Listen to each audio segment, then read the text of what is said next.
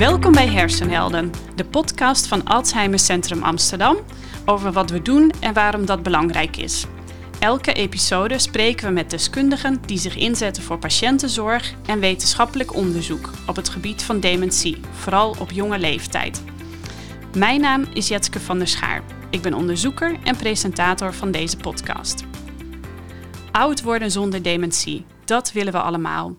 En sommige mensen bereiken ook inderdaad de leeftijd van 100 jaar of ouder, zonder dat hun hersenen zijn aangetast. Wat is hun geheim?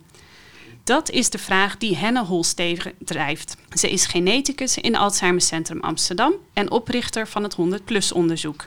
De afgelopen jaren haalde ze meerdere prestigieuze beurzen binnen, ontving verschillende onderscheidingen voor haar werk en vertelde over de resultaten in talkshows zoals RTL Late Night, Pauw en Humberto. Tegenover haar zit meneer Barleus op de leeftijd van 101 jaar. Hij is voormalig bankmedewerker en nog altijd een uiterst productieve dichter. Hij schreef de afgelopen 80 jaar iedere dag een gedicht en soms wel twee. Vandaar dat hij ook wel de huisdichter wordt genoemd van het zorgcentrum in Haarlem waar hij tegenwoordig woont en waar we vandaag te gast mogen zijn.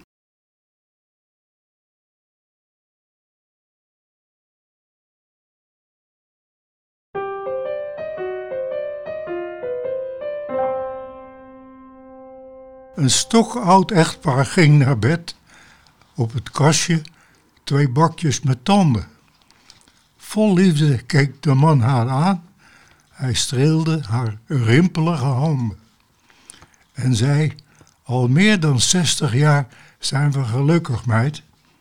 Geloof me als ik zeg, ik wil jou voor geen miljoen meer kwijt. Dat weet ik, jongen, zei zijn vrouw. Ook jij bent niet te koop. Nog niet voor een miljoen en dat is een hele hoop. Ze lagen daar tevreden in de avond van hun leven, twee mensen die elkander zoveel hadden gegeven. Ze zeiden, slaap maar lekker hoor. Hij gaf haar nog een zoen en fluisterde, is de deur op slot? Hier ligt voor twee miljoen. Henne en meneer Baleus, welkom in de show. Dankjewel. Henne, hoe ben je eigenlijk op het idee gekomen om onderzoek te doen bij mensen die geen dementie krijgen? Het meeste onderzoek wordt toch gedaan naar mensen die juist wel ziek worden. Nou, de inspiratie voor het 100-plus onderzoek was eigenlijk mevrouw Hendrikje van Andel Schipper. Um, zij was namelijk 115 jaar is zij geworden en ze was daarbij niet dement. En dat was voor mij zo'n grote verrassing van hoe is het mogelijk dat mensen zo oud kunnen worden zonder dementie. Want we weten toch dat de mate mensen ouder worden, de kans om dement te worden groter wordt. Mhm.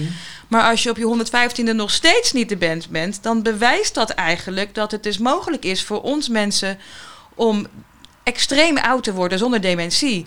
Nou, dat heb ik echt gezien als een soort opgave. Ik wilde dan weten, nou, hoe kan dat nou? Wat is er nou anders aan deze mensen ten opzichte van mensen die op hun bijvoorbeeld hun zeventigste wel dement zijn? En ja, dat, dat moment dacht ik, nou ja, ik ga daarop focussen. Maar dat betekent dus wel dat ik ook andere mensen um, moet onderzoeken, die net als mevrouw van Andel heel oud zijn geworden, maar niet dement om te begrijpen wat hen nou eigenlijk verbindt. En deze mensen ook te vergelijken met de mensen die dus wel op, um, op hun zeventigste dement worden, zodat we kunnen zien wat is er nou eigenlijk zo anders aan deze mensen. Maar deze mensen zijn natuurlijk heel zeldzaam. Uh, mevrouw um, Hendrikje van Andel was echt een uitzondering. Uh, hoe, hoe vind je dan meer mensen om aan het onderzoek mee te doen en hoeveel heb je er nu? Nou, dat is een hele goede vraag. Want allereerst moest ik me natuurlijk afvragen... welke mensen zijn nou eigenlijk zoals mevrouw van Andel Schipper? Wanneer ben je eigenlijk... Is het vreemd dat, dat je niet meer dement bent? Dus toen ben ik gaan kijken naar de epidemiologie, van naar, de, naar de mortaliteit en ook naar de incidentie van dementie. En toen kwam ik er eigenlijk achter dat um, als je de 100 bereikt zonder dementie, dat je dan eigenlijk wel echt een beetje beschermd moet zijn. Want dat is eigenlijk wel vreemd. Dat je heb je zoveel kans gehad om wel dement te worden. En als je dan nog steeds niet bent, dat is eigenlijk wel heel vreemd. Dus toen wist ik, nou ja, dan moet ik dus gaan zoeken naar mensen die ouder zijn dan 100 en niet dement. Zodat ik die met elkaar moet gaan vergelijken. En met de mensen die dus wel dement zijn geworden. En um, nou ja, dan moet je natuurlijk wel in een relatief kleine vijver vissen. Uh, want er zijn op dit moment ongeveer 2500 100-plussers in Nederland, dus 2500. Maar ja, die, daarvan is het merendeel dus wel de mens. Ehm, en nou, is het, hebben we het geluk dat als iemand 100 wordt, dat de burgemeester langskomt met een bos bloemen. En er wordt vaak een foto van gemaakt. Ja, die hangen daar. Ja, dat zal, hè. Dat is bij u, denk, neem ik aan, ook gebeurd. En daar googelen wij op, op internet. En ehm, als dat gebeurt, dan, dan, dan, dan kunnen we in contact komen met, uh, met mensen. En dan vragen we hoe goed ze nog functioneren en of ze inderdaad bereid zijn om deel te nemen aan het 100-plus onderzoek. En hoeveel heb je er nu? Op dit moment hebben we er 420. Zo. Ja. Zo.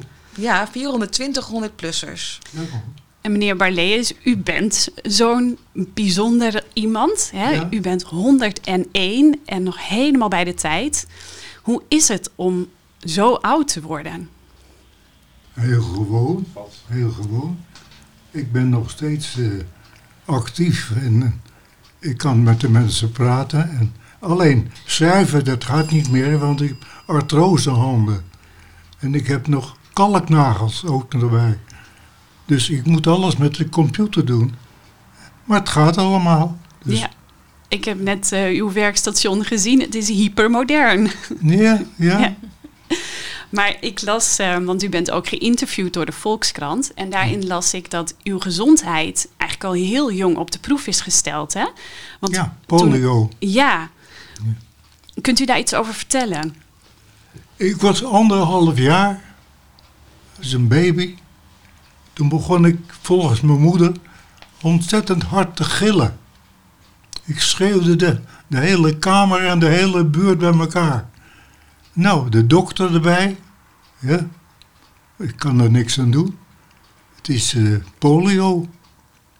Nou, dan komt er een professor bij. En dan komen er andere geleerden bij. Ik kon er niks doen. We hebben geen medicijnen. Dat bestond niet. Toen was de enige oplossing, want het komt door een kalkgebrek, dat ik rauwe eieren s'morgens at. En die rauwe eieren, die werd de dooier van geklutst met melk. Het eiwit moest mijn been ingesmeerd worden. En de doppen in de vijzel fijn maken. En wat deed u daar dan mee? Het ging in de pap. Dat moest ik opeten. Elke dag. Ja. S'morgens altijd pap. En, al, en eerst heeft mijn moeder natuurlijk dat fijn gemaakt. En toen ik het zelf kon, toen zei ze, die kan het zelf ook wel. Dus dan kreeg ik de, de doppen, niet afgewassen, maar zo in het vijzeltje. En daar zat ik dan. En als ik dan klaar was, en het was allemaal heel fijn, dan ging het in de pap en dan werd het geroerd. Een beetje suiker erbij en dan moest ik het opeten. En heeft het geholpen?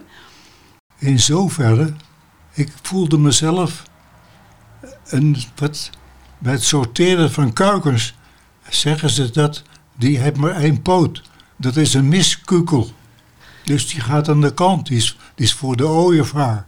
Het voedsel voor de ooievaar. Er zit hier ook nog een ijzeren wiel in. Dus ik, ik wilde niet. Want moet je je voorstellen, mijn voet was verlamd, mijn, enkel, mijn knie, mijn heup, mijn schouder. Dus de hele zijkant was helemaal verlamd. Dat, dat hing er gewoon bij. En dan denk je, ja, je denkt toch wel na, wat moet ik met mijn leven? Dan kan je net zo goed stoppen, want dan is er niks meer aan. Maar nee, eigenwijs. En dat was ik. Mijn moeder, die gaf altijd antwoord op mijn vragen. Ik was een waarom kind. Dat zei ze ook. Als ze wat zei, dan vroeg ik altijd waarom.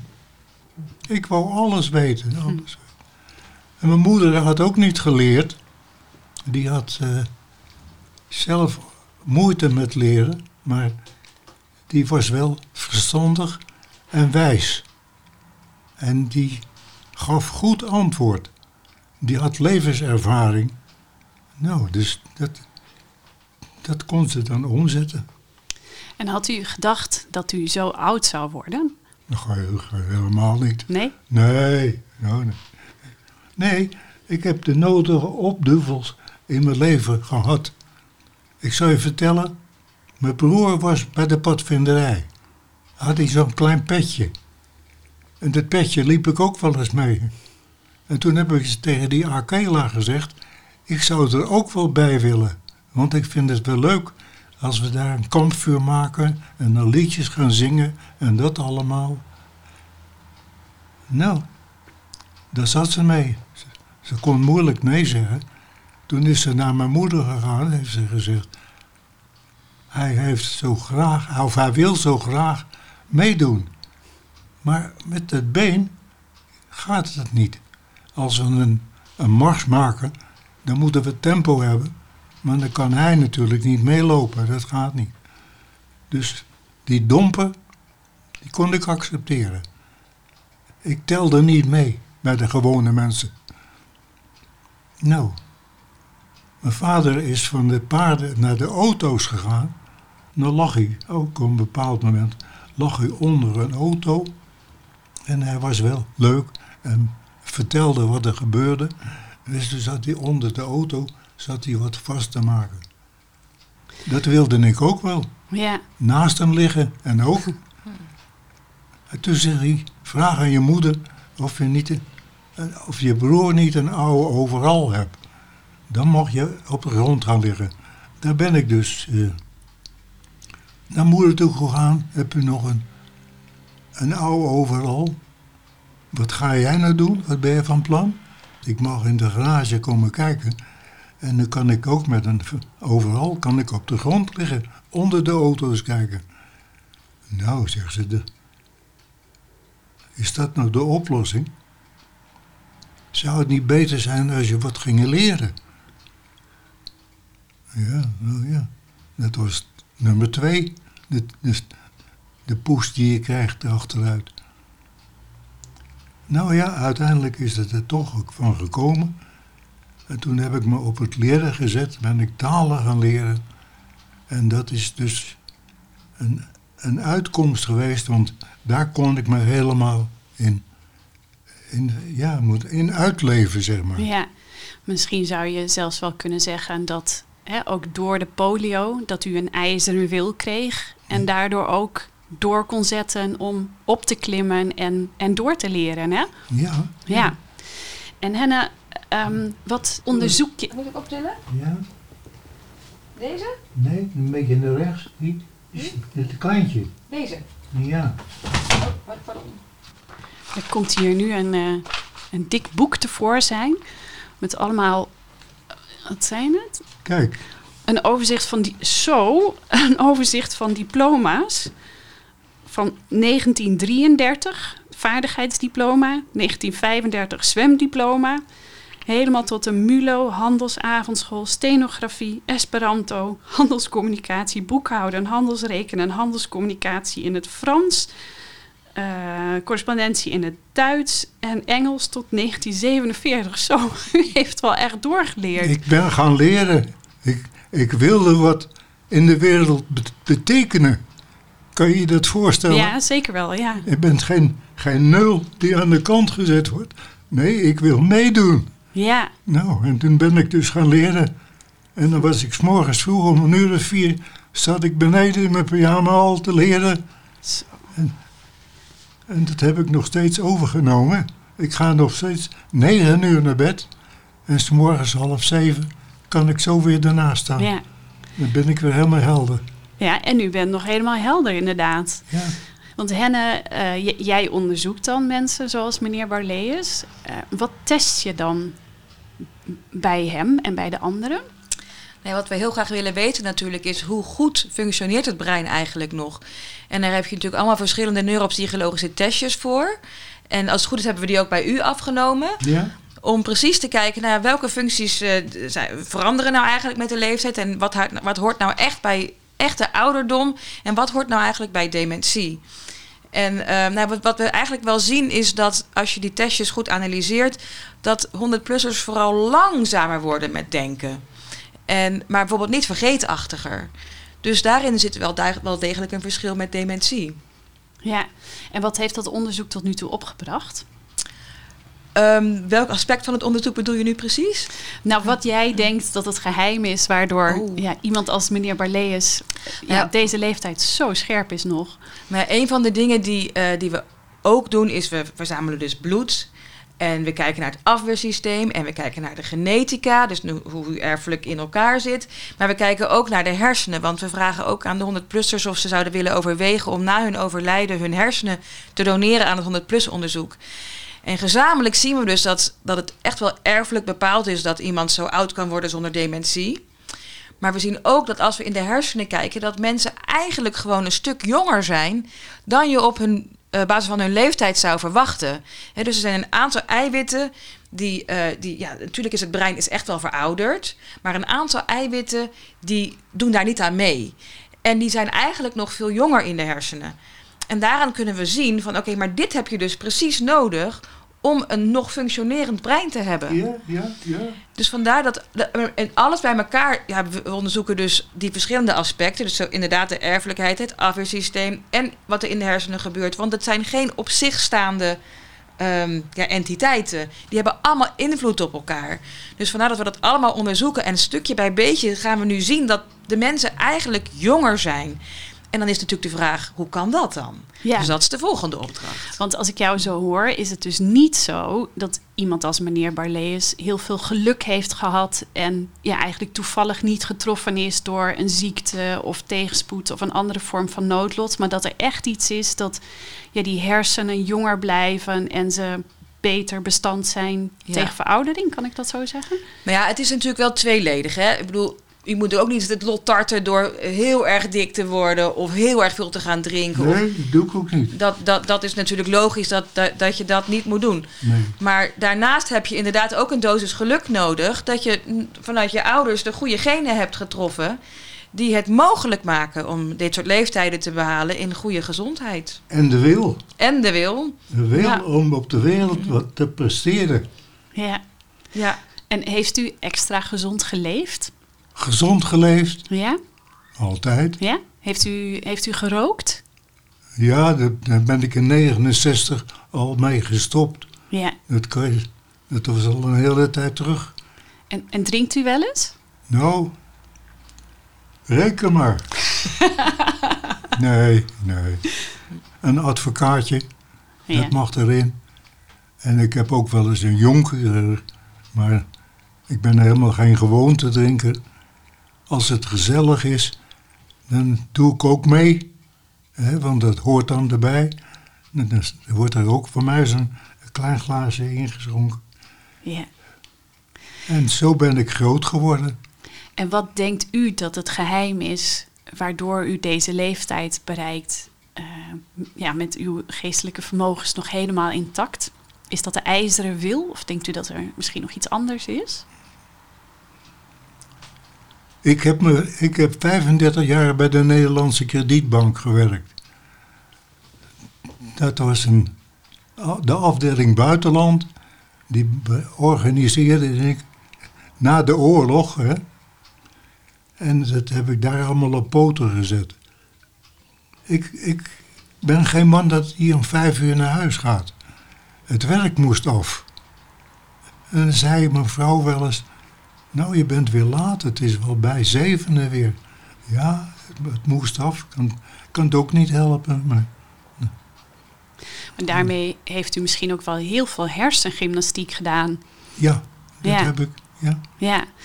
En eh, in hoeverre zou jij zeggen dat genetica of leefstijl of juist hè, wat meneer Barlees ook doet om het hoofd zo actief te houden. Misschien is het geheim wel gedichten schrijven, elke dag een gedicht. hoe, hoe, denk jij die, dat die verhouding is, de invloed daarvan? Nou ja, eigenlijk kunnen we dat ook wel een beetje berekenen. Want we hebben berekend dat zo'n 60% van de kans om 100 te worden is dankzij goede genen. Dus 40% is dankzij een goede leefstijl, of in ieder geval hè, uh, het, het, het, uh, het, lot niet te tarten dat, om, om ongezond te leven. Dus dat kunnen we, hebben we dus eigenlijk al berekend. Dus 60% van de kans om om dit te bereiken is dus uh, dankzij goede genen. En dat zien we ook, hè, als we de genetica bekijken. Dan zien we ook dat mensen zoals meneer Barleus minder risicoverhogende erfelijke factoren hebben en juist meer beschermende factoren. En dan is aan ons ook de vraag van, oké, maar wat zijn dat dan voor erfelijke factoren? Wat doen die dan precies? En hoe zorgen zij er dan voor dat het brein anders functioneert? En zien we dat dan ook weer terug in als we in die, in die breinen gaan kijken. Dus zo, zo, uh, zo, zo, zo doen wij dat. Ja. Maar er is, er is dus inderdaad een erfelijke factor, maar natuurlijk ook een leefstijlfactor. Ja. ja. Oh, ik zal het zeker wel meespelen natuurlijk. Maar ook de ervaring die je in je leven opdoet, die telt ook mee. Ik heb ook jongelui die op buitenland gingen werken, les gegeven. En dan zei ik wel eens, hoe is het met je talen? Nou, die jeugd, die maakte van die talen ook niks bijzonders. Maar, maar denkt u dan dat omdat u zoveel talen sprak, dat dat heeft bij, aan heeft bijgedragen dat u nu zo oud bent? Denkt u dat dat een van de redenen is? Het is natuurlijk wel zo dat ook die talen, dat is een, dat is een gewoonte. Ja, ja. Wat, wat ik nog dacht, is um, u heeft natuurlijk de afgelopen 100 jaar zo ontzettend veel ontwikkelingen meegemaakt. u heeft uh, de Olympische Spelen in Amsterdam nog meegemaakt, de aanleg van de afsluitdijk, de Tweede Wereldoorlog, de eerste Nederlandse televisieuitzending, de watersnoodramp, de eerste man op de maan.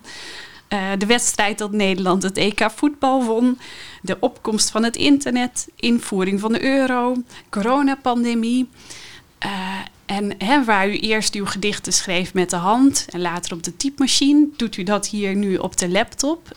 Zou het ook kunnen zijn dat u een enorm aanpassingsvermogen heeft? Dat u heel flexibel bent om mee te gaan met de tijd? Denkt u dat dat een rol speelt? Ja, een grote rol zelfs. Ja, hè? Ja, ja.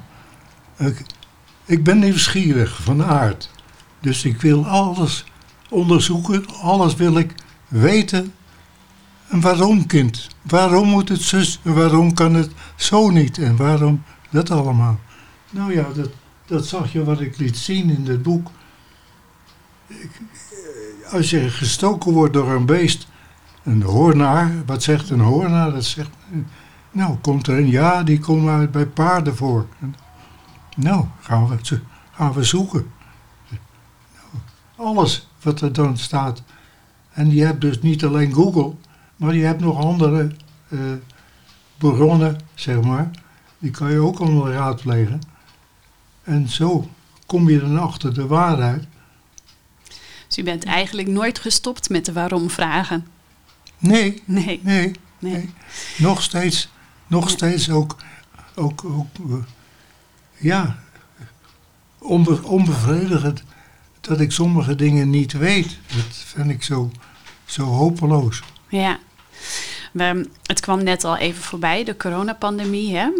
Uh, Henne, jij had op een gegeven moment die groep van 100-plussers, uh, 420 mensen. En toen brak corona uit.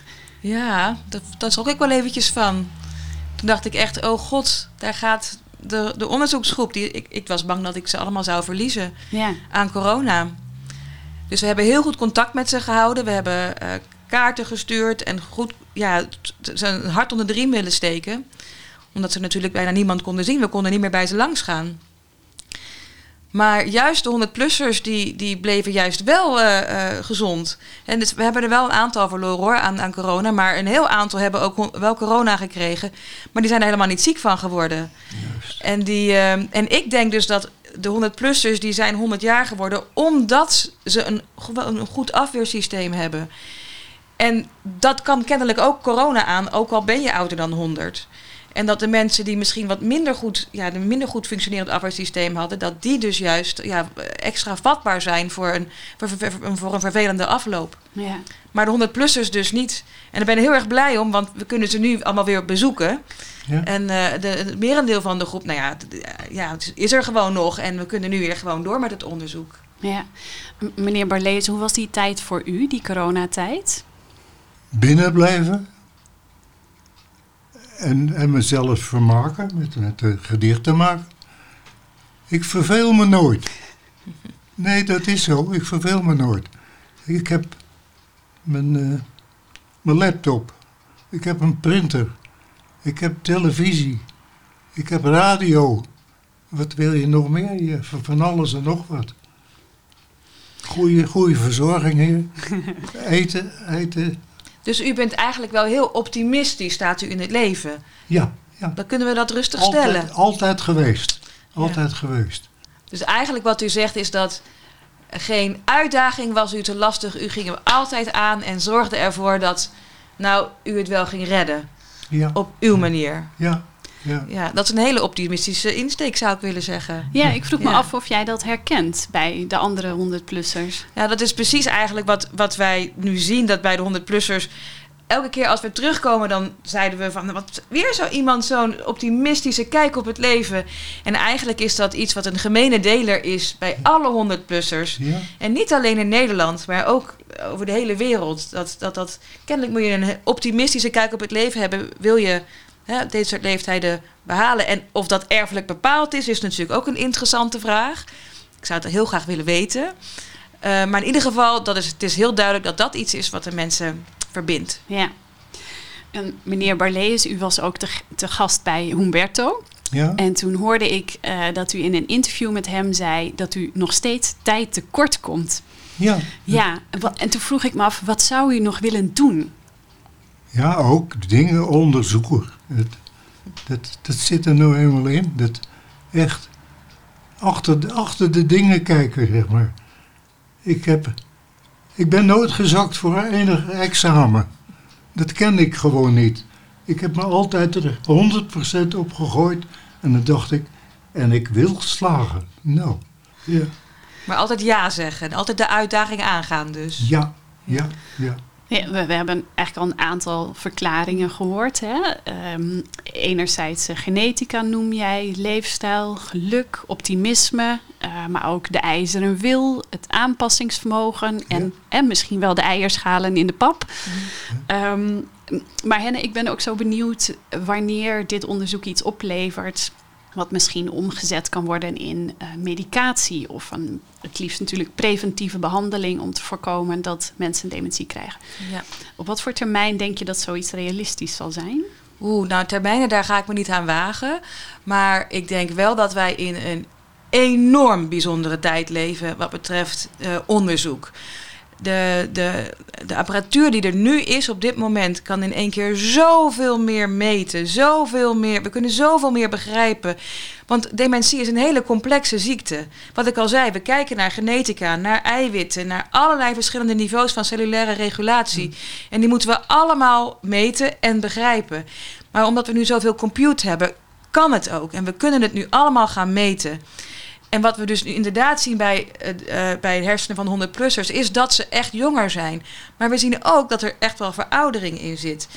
Wat maakt nou het verschil tussen dat gedeelte wat jong blijft en wat wel veroudert? We kunnen nu precies zien ehm, eh, eh, waar, wat er voor nodig is om een jong brein te hebben. Want anders dan zouden we dat signaal natuurlijk niet zien. En dan moeten we, nu moeten we gaan begrijpen, en hoe, is, hoe wordt dat dan aangestuurd? Kunnen we, kunnen we nou een klein beetje van die 100-plussers geven aan de mensen die wel een hoog risico hebben op dementie? Zodat we precies weten welke systemen we eigenlijk moeten stutten voordat het te laat is. Dus er zijn twee dingen die we eigenlijk moeten doen in de toekomst. Is heel goed begrijpen wie heeft er een hoog risico op dementie en waar bestaat dat risico uit. En van 100-plussers kunnen we dan leren hoe moet je dat systeem nou eigenlijk stutten, zodat de symptomen niet gaan plaatsvinden. Ja. Maar hoe dat, kijk, je vraagt een termijn. Dat gaat, daar, weet je, er zijn een heleboel verschillende onderzoekers bij nodig met verschillende expertises die uiteindelijk allemaal bij elkaar moeten komen. Maar er zijn op dit moment zoveel interessante eh, eh, paden worden er nu gelopen. Er komen steeds meer kleine, kleine on- ontdekkingjes die gezamenlijk over een paar jaar bij elkaar gaan komen en, en echt wel wat gaan, gaan, gaan uitmaken.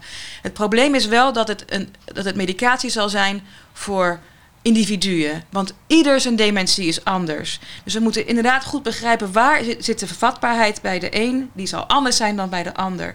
Dus die zou je ook anders moeten helpen. Dus het wordt inderdaad personalized medicine, zoals dat dan genoemd wordt. En daar zie ik het ook echt wel heen gaan. Maar daar gaat het mee beginnen. Eerst een klein plukje van bepaalde, be- van bepaalde vatbaarheden eh, gaan stutten. En dan, ja, dan steeds beter leren hoe we dat moeten doen. Ja. Dus even voor de duidelijkheid, het gaat jou niet om eh, de kweeste voor het eeuwig leven, Nee. maar echt om ouder te worden zonder dementie. Nou ja, het gaat me er eigenlijk om. Ik, ik, ik, heb, ik vind eh, dementie gewoon een, echt een hele nare ziekte. Wat heeft het voor zin om extreem oud te worden als het brein dat niet toelaat of het bre- brein niet meewerkt? Ik zie hier ook de mensen achter de rollator. En dan lopen ze heel rustig. Maar ze gaan de verkeerde kant uit, want ze, ze komen op een splitsing. Nou, die kant gaat naar boven, die gaat naar beneden. Ja, wat moet ik nou? Dan staan ze daar. Ja. Het, is niet helder voor ze. We zijn het niet gewend. Eh, je hebt een doel. En die mensen die zijn hun doel kwijt. Ja, ja en bij, bij u gaat het allemaal wel heel erg goed, hè? Ja, gelukkig wel. We zouden eigenlijk graag een klein beetje van u, nou, we heel veel van u willen leren om het aan die mevrouw te geven die niet meer weet welke kant ze op wil. Ja, ja. Ja, want er zijn er hier heel wat die, die het niet meer weten. Dat krijg je natuurlijk. Ja, En we stellen eh, elke episode ook twee vragen aan onze gasten. En ik heb voor hen de vraag: wat is het meest waardevolle wat je eh, van de 100-plussers hebt geleerd? Wauw. ehm, weet je, de 100-plussers, als je, als je ze vraagt eh, wat is de mooiste herinnering, dan gaat het altijd over eerste graads familieleden. Broers en zussen, ouders, kinderen. Eh, dat, dat is de kern van wie iemand is. En als eh, dus 100-plussers die, die, die terugkijken op hun, op hun leven, die denken heel vaak aan het, het, het geborgen van, van thuis. En dat vind ik altijd heel erg mooi. Dus ik, ja, let op de eerste graads familieleden en investeer daarin. Dat is dat wat, wat ik ervan heb geleerd. Ja. En meneer Berleus, ehm, wat is het belangrijkste wat u mee wilt geven aan onze luisteraars? Heeft u een advies? ik doe nooit een dutje. nee. Ik doe nooit een dutje. Nee. Er zijn foto's dat ik aan het werk ben, die zitten daar ook bij. Dat ze binnenkwamen en dat ik aan het werk was, ook met gedichten. En dan zeggen ze wel eens, de mensen die gegeten hebben, die zeggen, kom, ik ga nog even op bed liggen. Of ik ga nog even in een hoek zitten, of wat dan ook. Dat kan ik niet, dat bestaat bij mij niet. Als er niks op de, geen nieuws is, zeg maar. Nou, dan niet. Dan zoek ik toch wel weer wat anders. Ik heb dv, ik heb cd's. Hele stapel. Muziek. Ik ben gek op muziek. Ik heb dvd's met plaatjes erbij. En in deze podcast houden we ook elke keer een ehm, stelling tegen het licht. En voor, voor jullie allebei heb ik de stelling: vroeger was alles beter. Oh nee. Nee, dat kan ik niet zeggen. Er waren vroeger, ik denk mijn eigen, mijn eigen vader, die, die werkte ook de, de hele dag rond, zeg maar. Er was altijd werk en dan zei de baas van, ja, dat moet af vandaag. En dat moet ook af vandaag. Dus die, die, die drang om tot een eind te komen, die was er altijd. hè. En jij, Henne, wat, hoe kijk jij tegen Nou ja, ik weet ook niet of vroeger alles beter was hoor. Ehm, ik denk wel dat eh, zeg maar de, de manier waarop we nu eh, ziektes kunnen behandelen. Er is veel minder kindersterfte. Ehm, ik denk dat je een heleboel dingen kan, kan opnoemen die vroeger niet beter waren Ja. dan nu. Ja, En daar kunt, kunt u natuurlijk echt het, eh, het echte verhaal bij vertellen. Maar het feit dat wij iemand kunnen bellen, je kunnen videobellen, eh, iemand niet hoeven te missen die heel ver weg is. Ja, het zijn natuurlijk wel veranderingen waarvan ik denk dat dat is beter dan dat het vroeger was. Ja, Vroeger had je de telefoon in de gang met een draaischijf. Tegenwoordig hebben ze zo'n plakje. En dat kan je op dat knopje drukken of kan je dat doen. Dan kan je dat allemaal. Op een bepaald moment dan kan je ook de man waar je mee praat, kan je zien. Nou, dat, dat bestond vroeger gewoon niet. Nee, natuurlijk niet. Dat- Maar kunt u iets noemen wat vroeger wel beter was dan het nu is? De gezelligheid. Ja, is dat minder? Ja, ja. Mensen hebben geen tijd meer. Dat heb je. Ze hebben het allemaal zo druk. Ze hebben geen tijd meer. Is de rust uit de mens verdwenen? Ja, dat kan je wel zeggen. Dat is. Ja, daar kan ik denk ik ook wel over meepraten. Dat dat. eh, ik was natuurlijk niet zo. Ik ben natuurlijk niet- uit 19, nou ja, 20 of zo. Ik was, ik kom een keer laat thuis. Ik zit aan tafel te- te eten, opgewarmd natuurlijk, want mijn kinderen hadden al gegeten, mijn vrouw ook. En toen was het weer van, "Eh, ben je laat? Ik zei ja, het moest af en het moet klaar. Nou, die, die drang die zit erin. Nou, daar ben ik ook weer op het plan gekomen als ik stop met 62, dan heb ik drie jaar tot aan 65. Als ik nou zuis, zuinig aan doe, kunnen we dat over, overspannen. Dus ik zeg tegen mijn directeur, de hoofd, hoofddirecteur, ik zeg ik ben van plan te stoppen. Wat vertel je me nou? Dat kan toch niet? Zeg, ja, het kan wel. Ik zeg, want ik heb harteklachten. Ik heb een pacemaker. En ik wil niet dat ik nou zonder meer mijn ogen moet sluiten omdat het afgelopen is. Ik zeg, en die laatste drie jaar kom ik wel tegen. Hij stuurt een, een secretaresse, die moet, want ik was thuis, die komt op bezoek, vraagt hoe het gaat. Nou ja, het gaat allemaal wel. Ik ben weer overeind gekomen. Nou, toen was het. Ik kom over 14 dagen nog eens terug. Je moet er nog eens over nadenken. Over 14 dagen, daar komt ze binnen. Toen zegt ze, de hoofddirectie heeft een plan.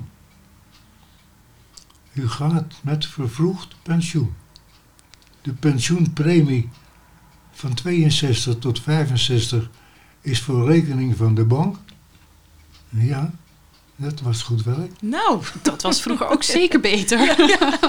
En mijn salaris ging door, terwijl ik er niet eens was. Mijn salaris ging door. Maar dat was ook weer uit dankbaarheid, omdat ik zoveel mensen geholpen had met dat van alles en nog. wat. En ook de directeur die kwam wel eens en dan zei hij, ik heb een probleem, moet je eens even komen. Nou, en dan kwam ik en dan losten we dat samen op. Dat ging, dat ging heel goed. En wie had gedacht dat u er nog zoveel tijd bij zou krijgen? Meneer Barlees en eh Henne, ik wil jullie allebei enorm bedanken. Eh, u dat we hier te gast mochten zijn en uw hele kamer mochten verbouwen tot een podcaststudio. En eh, ja, ook alle wijze inzichten die jullie allebei hebben gedeeld over het geheim om 100 plus te worden zonder dementie. Ik wens u nog heel veel tijd en ook vooral heel veel gezelligheid. En Henne, ik hoop dat je nog prachtige inzichten uit het onderzoek op mag doen. ja, waar wij en de mensen na ons eh, nog veel profijt van mogen hebben. Doe je best. dankjewel. We gaan ons zeker ons best doen. We hebben deze episode opgenomen op 15 februari 2023 in het zorgcentrum in Haarlem waar meneer Barlees woont. Met dank aan Mark Brouwer die achter de knoppen zit.